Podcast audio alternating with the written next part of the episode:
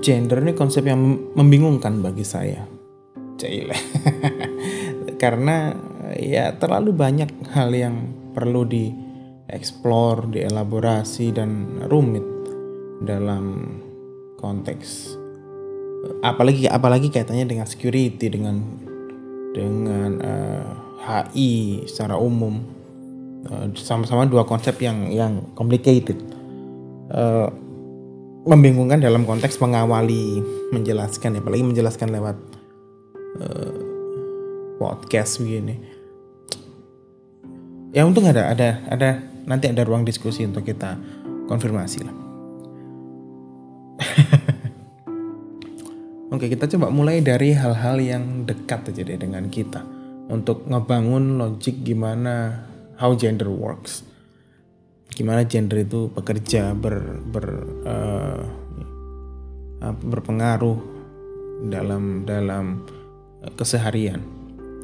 Hal simple. Uh, pernah nggak kepikiran kenapa laki-laki itu sering uh, diasosiasikan dengan warna biru, warna hitam, dan seterusnya. Kenapa? Kenapa perempuan identik dengan warna-warna cerah mungkin Trad traditionally ya uh, dan warna-warna pink mungkin uh, orange, peach dan seterusnya. Kenapa kalau laki-laki yang pakai itu orang jadi ngelihatnya aneh ya? Ini laki-laki pakai warna baju pink nggak manly katanya. Konon kabar konon Katanya begitu. Eh mungkin ada yang sepakat, mungkin ada yang tidak. Tapi sepertinya eh, mayoritas orang masih berpikir bahwa ya ya perempuan tuh pink, laki-laki tuh biru, gitu kan. Kenapa itu terjadi ya? Padahal itu kan nggak ada dasar ilmiahnya, nggak ada dasar konsekuensi uh, realnya. Gitu it's only uh, pilihan warna. Kalau kalian mau pakai baju warna yang laki-laki mau pakai baju warna pink ya terserah. Toh nggak akan kemudian di uh, misalnya pakai pakai baju warna pink kemudian akan terkena penyakit A B C D. Enggak enggak kan? Enggak mengancam nyawa.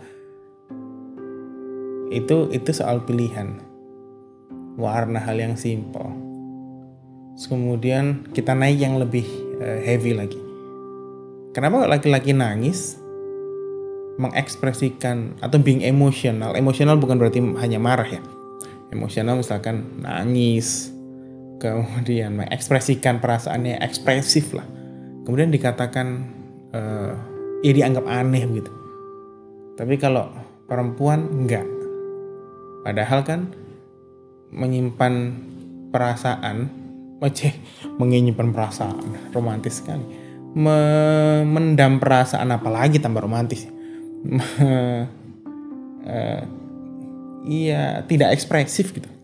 Itu juga uh, nggak bagus buat kesehatan mental misalkan. Untuk kesehatan fisik juga kalau kalau yang psikosomatis uh, bisa jadi kambuh-kambuhan dan seterusnya. Uh, but I'm not a health uh, expert clearly that's not my field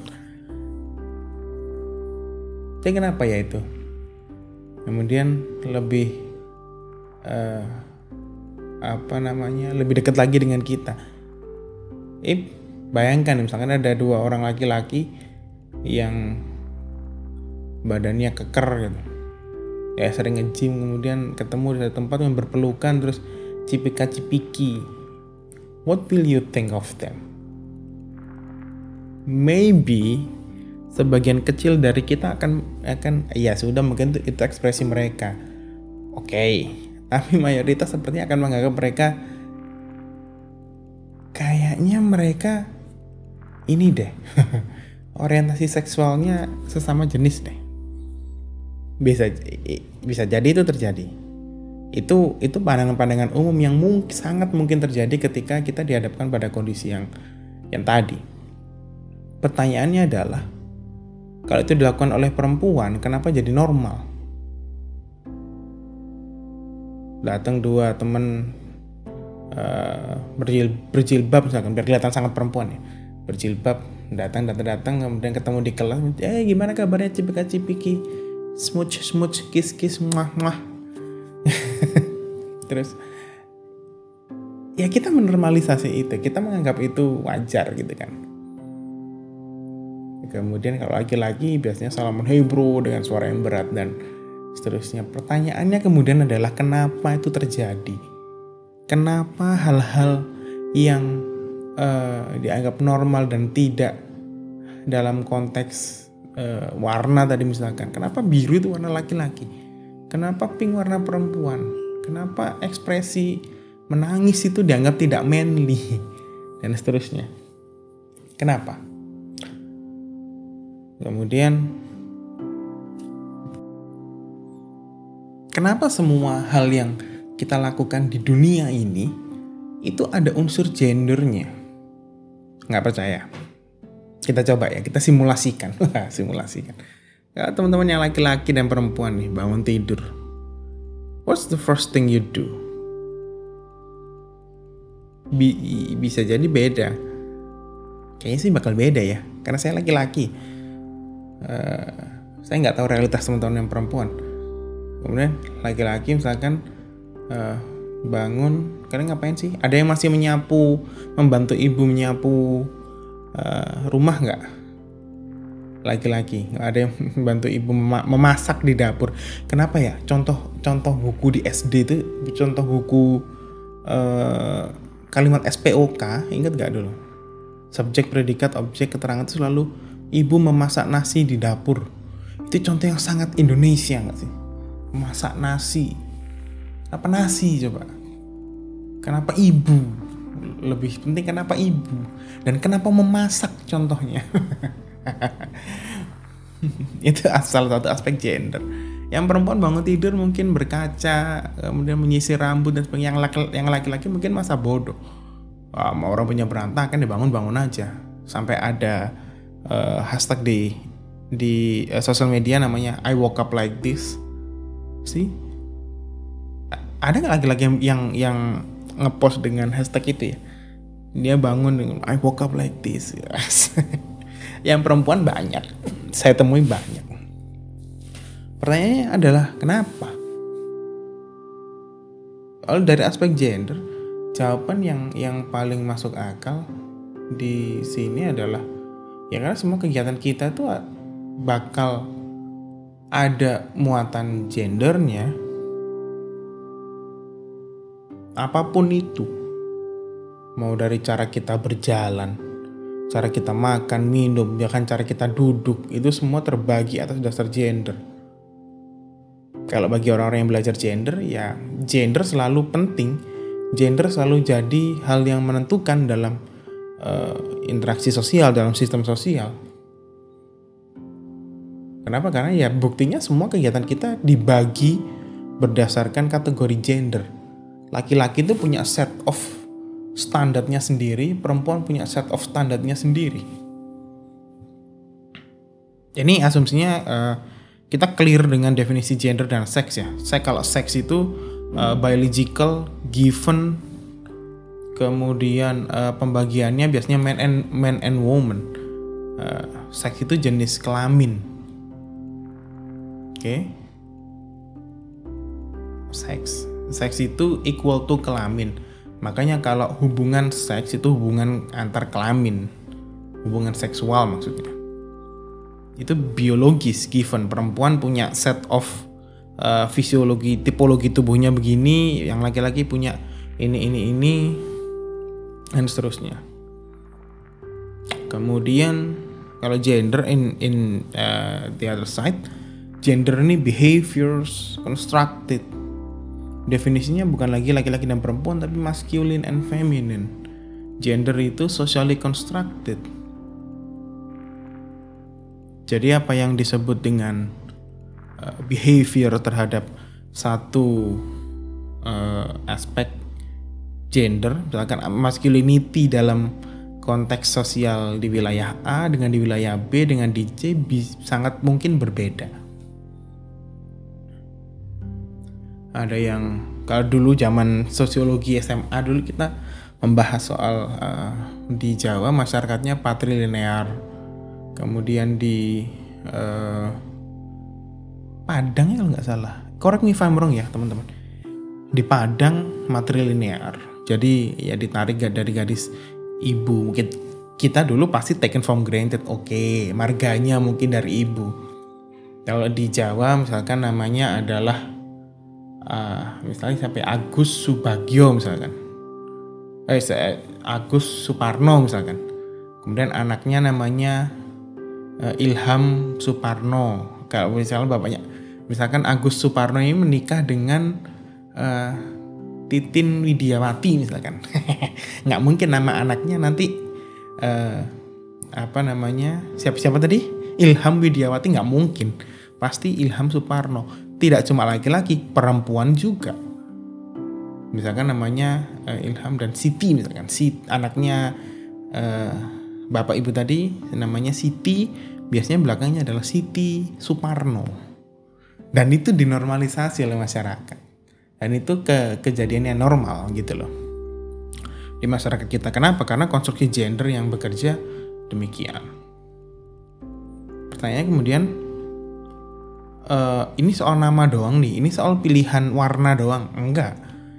Yang terjadi di sini adalah ada ketimpangan uh, akses terhadap power dengan nama uh, dipakai di nama belakang dari misalkan dipakai yang laki-laki dengan ada division of uh, things tadi, ada pembagian warna dan segala macam sampai mungkin pada titik tertinggi kenapa misalkan contoh-contoh yang uh, mungkin teman-teman sudah familiar juga kenapa misalkan pejabat publik itu mayoritas laki-laki? Yang pejabat publik itu menentukan ini ya menentukan konfigurasi uh, resource ya manajemen resource kalau laki-laki dia punya preferensi sendiri. Dia tumbuh dengan konteks sosial yang yang uh, spesifik. Kalau perempuan juga demikian. Dan dua-dua pengalaman ini valid.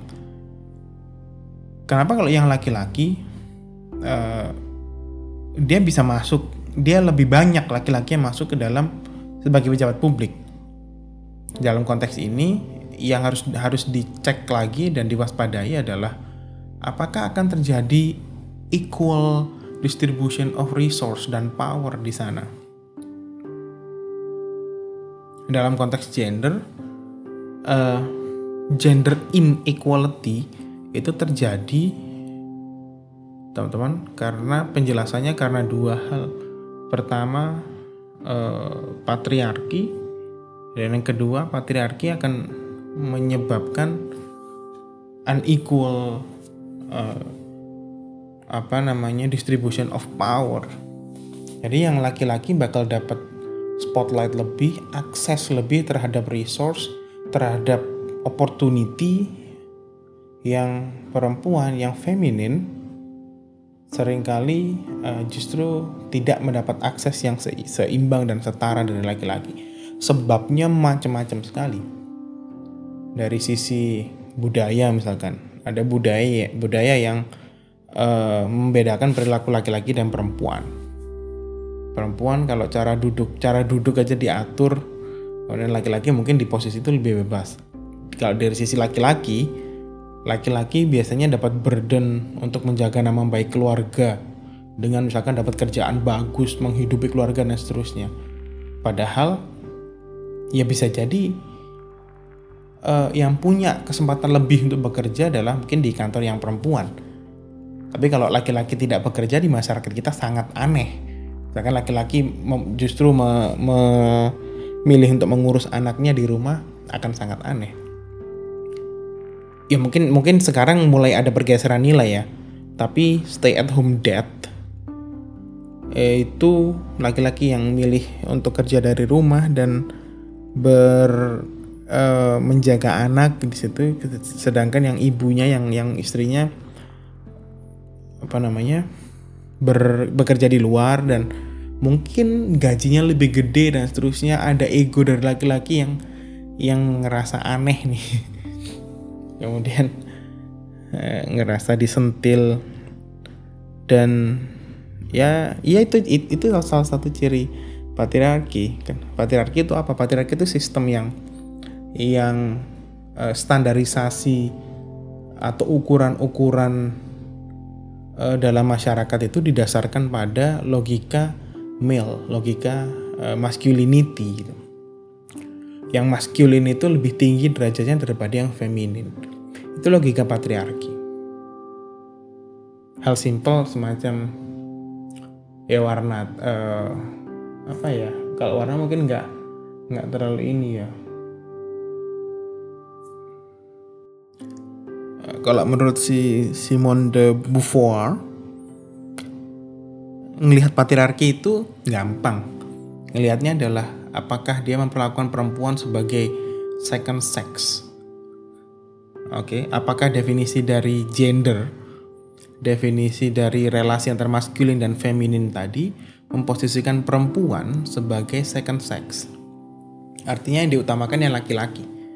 Kalau ada apa-apa laki-laki maju duluan. Dalam kalau lagi perang kemudian laki-laki yang suruh maju di, maju di depan perempuan di belakang nyiapin makan uh, tugas di dapur tugas di kantor mungkin sebagian uh, gini mungkin sebagian berpikir bahwa itu lah itu kan baik itu memuliakan perempuan no no no iya. Kalau dilihat dari itu kelihatannya mungkin iya yang yang mati duluan ya yang yang yang laki-laki yang perang di depan. Tapi di balik itu kalau dilihat lebih dalam logika yang bekerja dengan misalkan di militer tadi gender di militer karena kita sedang bahas soal security itu justru memposisikan perempuan sebagai uh, pihak yang powerless. Itu mengimplikasikan bahwa laki-laki di depan bertarung bertarung lagi menunjukkan ke maskulinitasnya di peperangan di depan dan perempuan di belakang justru membuat perempuan rawan sekali uh, menjadi korban eksploitasi. Oke, banyak sekali kasus-kasus pemerkosaan terhadap perempuan di uh, medan perang itu didasari terhadap logika gender yang tadi. Nah, perempuan itu powerless. Ya yang bisa di di apa-apain ya si perempuannya ini. Banyak kalau teman-teman cek uh, reportnya, penelitian, risetnya, uh, risetnya, dokumentasinya banyak sekali. Tapi dalam kasus-kasus yang spesifik, uh, logikanya tadi tidak hanya berlaku terhadap perempuan, laki-laki juga di artikel yang teman-teman dapat itu. Yang kedua di situ membahas soal bagaimana laki-laki juga jadi korban pemerkosaan dalam perang. Aspek perang. Karena lingkungan budaya dan lingkungan sosial dan lingkungan politiknya memposisikan laki-laki di peperangan ini bisa jadi korban pemerkosaan. Ini soal soal konteks sosial dan politik Oke. Okay. Nah, logika ini juga sangat sangat erat kaitannya dengan aspek human security. Kenapa? Karena kan kita kemarin sepakat bahwa human security is all about freedom from fear, freedom of eh, freedom of want, uh, freedom to choose apa yang dia ingin, apa yang dia enggak. Nah, kalau kalau logika yang dibangun adalah semua berdasarkan gender bias, gender kategori, berarti kita kan nggak bebas memilih apa yang kita mau. Kita nggak bebas memilih apa yang kita inginkan dan kita pilih. Misalkan adalah ada laki-laki yang menggemari warna cerah. Ini hal yang simple dulu ya. Misalkan kita melihat ada laki-laki yang menggemari warna cerah. Emang dia nggak boleh pakai warna pink. Dampaknya terhadap masyarakat apa? dan seterusnya. Pun dengan perempuan yang yang memakai warna yang lebih gelap misalkan. Itu hal simpel. Kemudian dari sisi uh, dari sisi budaya misalkan masyarakat uh, yang nilai yang berkembang sekarang itu uh, masyarakat dunia dunia ya masyarakat kita mungkin ya senang banget mengobjektifikasi sekarang ya tidak cuma tubuh perempuan tapi juga laki-laki yang dia rasa uh, powerless. Ini paradoks gender yang terjadi. Jadi objectification of uh, woman body itu tidak cuma woman sekarang. Objectification of mungkin feminine body. Dalam kumpulan feminin itu ada laki-laki dan perempuan yang tidak masuk kategori maskulin. Yang dijadikan dasar adalah balik ke argumen si Simone de Beauvoir tadi. Woman, eh sorry woman lagi. Uh, ya the, the second sex tadi. What give value to uh, woman's body is sorry what give value to feminine's body is masculine approval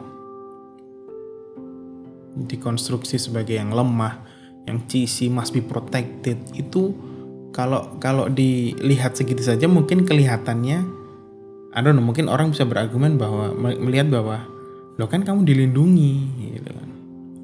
Dilindungi itu terminologi yang sangat uh, itu yang harus dilihat dilihat hati-hati. Yang melindungi punya kapasitas melindungi nggak? Atau justru dia berbalik jadi opresor dia berbalik jadi orang yang melecehkan orang yang me, uh, mem, mempunyai apa ya bahasanya uh, perspektif yang uh, mengintimidasi terhadap uh, yang dilindungi dalam aspek gender ya mungkin maskulin ke feminin itu bisa bisa sangat mungkin terjadi. Kemudian yang sering disoroti kalau dari aspek human security dan gender itu biasanya dari uh, ya karena kaitannya dengan dengan political process kita nggak bisa lepaskan human security dari political process.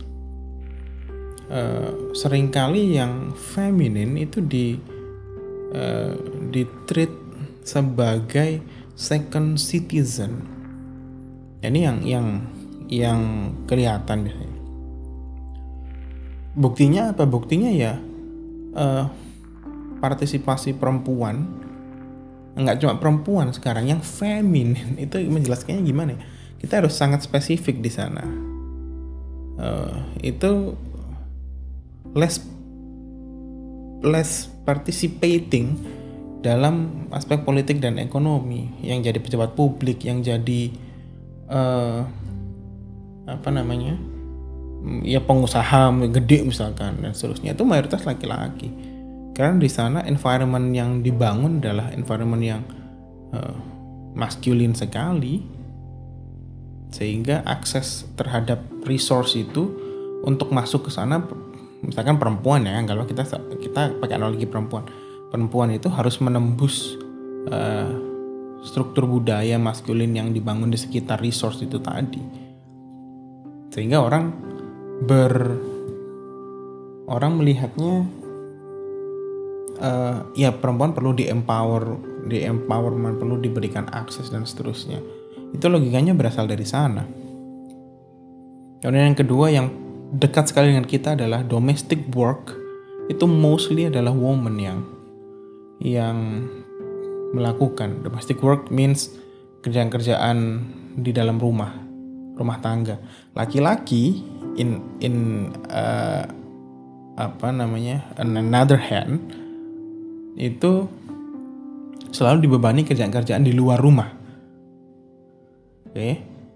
Itu kenapa misalkan uh, riset saya tahun 2020 kemarin banyak di negara-negara yang COVID-nya uh, tinggi itu mayoritas adalah laki-laki eh sorry sorry kebalik di negara-negara yang mayoritas masyarakat uh, yang positif COVID itu laki-lakinya lebih tinggi daripada perempuan itu biasanya punya gender bias dan kultur uh, masculinity yang patriarki yang uh, kental. Karena ya kita tahu semua COVID menginfeksi orang yang di luar rumah di dalam rumah relatif lebih aman. Nah di luar rumah terinfeksi uh, kemudian yang dan mostly mostly laki-laki. Ini terlepas dari aspek medis ya. Aspek medis itu soal kalau positif bergejala tidak dia selamat atau tidak meninggal atau tidak itu mungkin aspek medis. Tapi kalau soal yang terinfeksi ini soal uh, habit soal behavior soal social behavior. Itu. Itu uh, kalau dilihat satu sisi mungkin perempuan sangat terbebani di sana. Jadi dia harus misalkan perempuan melahirkan dia harus mengurus anak dia harus mengurus kerjaan domestik mungkin part of that dia harus kerja dan seterusnya. Kalau yang laki-laki bebannya mungkin cuma kerja saja. Tapi ekspektasi masyarakat terhadap laki-laki juga tinggi. Ini yang sering kali jadi problem of masculinity. Ekspektasi masyarakat terhadap laki-laki adalah gajinya gede, kerjaannya bagus, kemudian eh, apa namanya ya bisa menghidupi keluarganya dengan layak dari hasil kerja dia sendiri dan seterusnya. And it's not easy dalam konteks uh, apa struktur ekonomi politik yang kayak gini susah, nggak semua orang bisa ke sana. Makanya yang yang perlu kolaborasi untuk mewujudkan human, human security itu perlu kolaborasi yang uh, bagus antara laki-laki dan perempuan biar nggak ada yang, yang yang terbebani dalam konteks ini. Kemudian dari, dari sisi second citizen tadi, uh, most that policy is not on woman's side. Misalkan cuti hamil, cuti hamil ini yang yang sering kali problematik dalam aspek human security. Uh, banyak riset mengatakan bahwa kalau anak yang tumbuh anak yang didampingi bapak ibunya di uh, masa awal kelahiran itu lebih karakternya lebih apa gitu lebih lebih positif lah dan di sisi lain dari sisi ibu juga meminimalisasi potensi ibu itu baby blues baby blues itu uh, mungkin yang yang ngedenger ini paham nggak ya baby blues baby blues itu kalau ibu melahirkan akan ada masa transisi di mana dia uh, dari mengurus dirinya sendiri kemudian harus mengurus anak yang sangat stressful, membutuhkan perhatian 24 jam. Anak bayi yang baru lahir berapa hari, berapa bulan itu ya akan sangat demanding kan. Nah, di situ support laki-laki sangat support suami laki-laki sangat dibutuhkan. Dan yang itu sangat dipengaruhi dengan kebijakan uh, kehamilan misalkan di negara-negara Skandinavia uh, konon kabarnya salah satu penjelasan kenapa di sana uh, pendidikannya bagus kemudian kualitas hidupnya bagus ya salah satunya adalah kebijakan yang yang disusun oleh government lokal uh, domestic government di sana itu sangat pro terhadap gender equality misalkan di Swedia if I'm not mistaken uh, pokoknya di negara Skandinavia ingat ke Swedia ibu itu dapat cuti satu dua tahun sampai menyusui tetap dibayar. Kemudian yang bapak dapat uh, cuti enam bulan. Un, tapi uh, demanded by state uh, untuk ini um, menemani ibu dan anaknya ber ya kesehariannya dalam enam bulan itu. Laki-laki mensupport ibunya dan itu dibayar penuh oleh negara. Hasilnya adalah ya ya kita bisa lihat sendiri kualitas hidup di sana sangat eh, beda jauh dengan negara-negara yang ada di sekitar kita. Breastfeed misalkan kalau eh, mungkin ibu-ibu kalau teman-teman pernah mungkin ada yang udah jadi ibu mungkin ibu menyusui itu problematik sekali di tempat umum di sini Padahal itu kan nature ya, nature dari ibu karena ini ini hal yang tidak mungkin dilakukan oleh ayah adalah memberikan uh, air susu ibu, namanya aja air susu ibu. Itu. Tapi tidak ada ruang yang ruang dalam arti space dalam arti uh, bangunan fisik jarang sekali ditemukan di ruang-ruang publik kita. Mungkin sekarang relatif lebih banyak ya. Uh, breastfeed room dan yang paling penting adalah uh, free of stigma. Kalau kadang-kadang ini ya, kita itu aneh sekali ngeliat relasi gender itu. Ya kita tahu bentuk. Uh, Oke okay, gini, uh, konteksnya adalah saya termasuk orang yang yang kalau itu namanya penis, katakan penis, jangan dibilang titit. Kalau itu vagina, katakan itu vagina. jangan dibilang asosiasi yang lain kalau itu uh, apa namanya payudara termnya ya katakan sebagai payudara jangan dikatakan sebagai yang lain.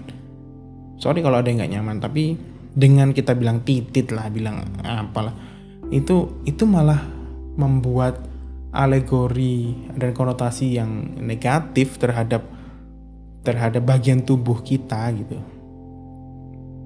Kalau memang uh, penis vagina itu kan posisinya sama bagian tubuh organ tubuh kan sama kayak hidung, mata, telinga, cuma penis dan vagina itu masuk dalam uh, struktur reproduksi, termasuk payudara juga karena untuk breastfeeding.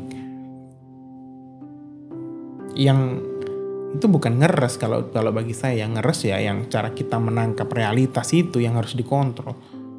Kalau orang bilang penis ya jangan giggling, jangan ketawa. apa sih? Ya kan Anda punya juga, kita semua tahu bentuknya, kita semua tahu fungsinya. Yang perlu ditata ulang adalah cara kita merespon terhadap realitas itu. Nilai di sekitar bagian tubuh itu loh yang perlu di ditata ulang. Dan itu akan sangat berpengaruh besar terhadap human security. Kalau kita bebas membicarakan seks, kita bebas membicarakan uh, kesehatan reproduksi, saya yakin uh, akan banyak improvement dalam bagaimana kita melihat aspek gender dalam human security. Perempuan lebih bebas mengekspresikan uh, kebutuhannya. Kebutuhan kan macam-macam. Sekarang aja kalau ada perempuan uh, apa sedang haid, kita bilangnya uh, lagi dapat. Dapat apa? Itu nggak dapat itu. Itu haid itu kan fungsi itu kan hal yang natural ya teman-teman. Uh, sama kayak seks. Argumen saya selalu seks is natural. Semua orang butuh dan semua orang akan melakukannya. Uh, mungkin waktunya saja yang harus di waktu interval dan dengan siapa dan dalam kondisi apa itu yang harus di, diatur benar-benar. Cara mengaturnya banyak melalui kebijakan negara melalui uh, norma agama melalui uh, kepercayaan kita personal dan seterusnya tapi melalui konsen itu yang paling penting. Uh, ya itu yang harus diatur. Kenapa kalau perempuan sedang dap dapat perempuan sedang haid sedang menstruasi. Menstruasi itu kata ilmiah loh. Yang harusnya bebas nilai yang tidak nilai. Yang bermasalah di balik itu adalah cara kita menilai memberikan nilai dari menstruasi menstruasi dipikir jorok dan segala macam wait a minute. Kita semua punya bagian jorok di tubuh kita. Laki-laki juga. Tapi kenapa yang yang eh, banyak konotasi negatif itu yang di sisi perempuan gitu kan? Itu that's a lot of uh, improvement. Kemudian kayaknya udah dulu deh uh, banyakin diskusi diskusi nanti okay, hope you guys get the picture. But ini sepertinya memang uh, gender itu harus dibicarakan secara terbuka. Notesnya teman-teman ya, gender itu harus dibicarakan secara terbuka dan uh, ya memang menyakitkan membicarakan gender itu. Kenapa? Karena kita dipaksa untuk menguliti layer-layer dari patriarki yang selama ini kita terima sebagai uh, kebenaran gitu, sebagai yang kita percaya sebagai hal yang benar. Misalkan kayak kayak bagian tubuh dari kayak penis, vagina segala macam. Ya, kenapa kita nggak pernah membicarakan seks sebagai sesuatu yang natural? Sama kayak boker, sama kayak boker lagi, sama kayak pupup, sama kayak uh, iya sama natural. Nggak ada orang yang nggak pernah nafsu itu nggak ada.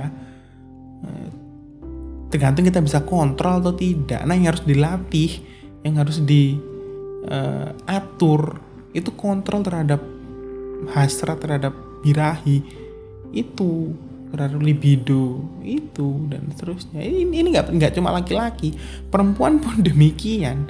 Pemerkosaan terhadap laki-laki itu sekarang jamak dan part of that itu dilakukan oleh perempuan. Jangan jangan salah jangan eh, pemerkosaan itu tidak selalu laki-laki. Dan seterusnya. Nah ini kita lanjutkan sesi diskusi deh okay, bye.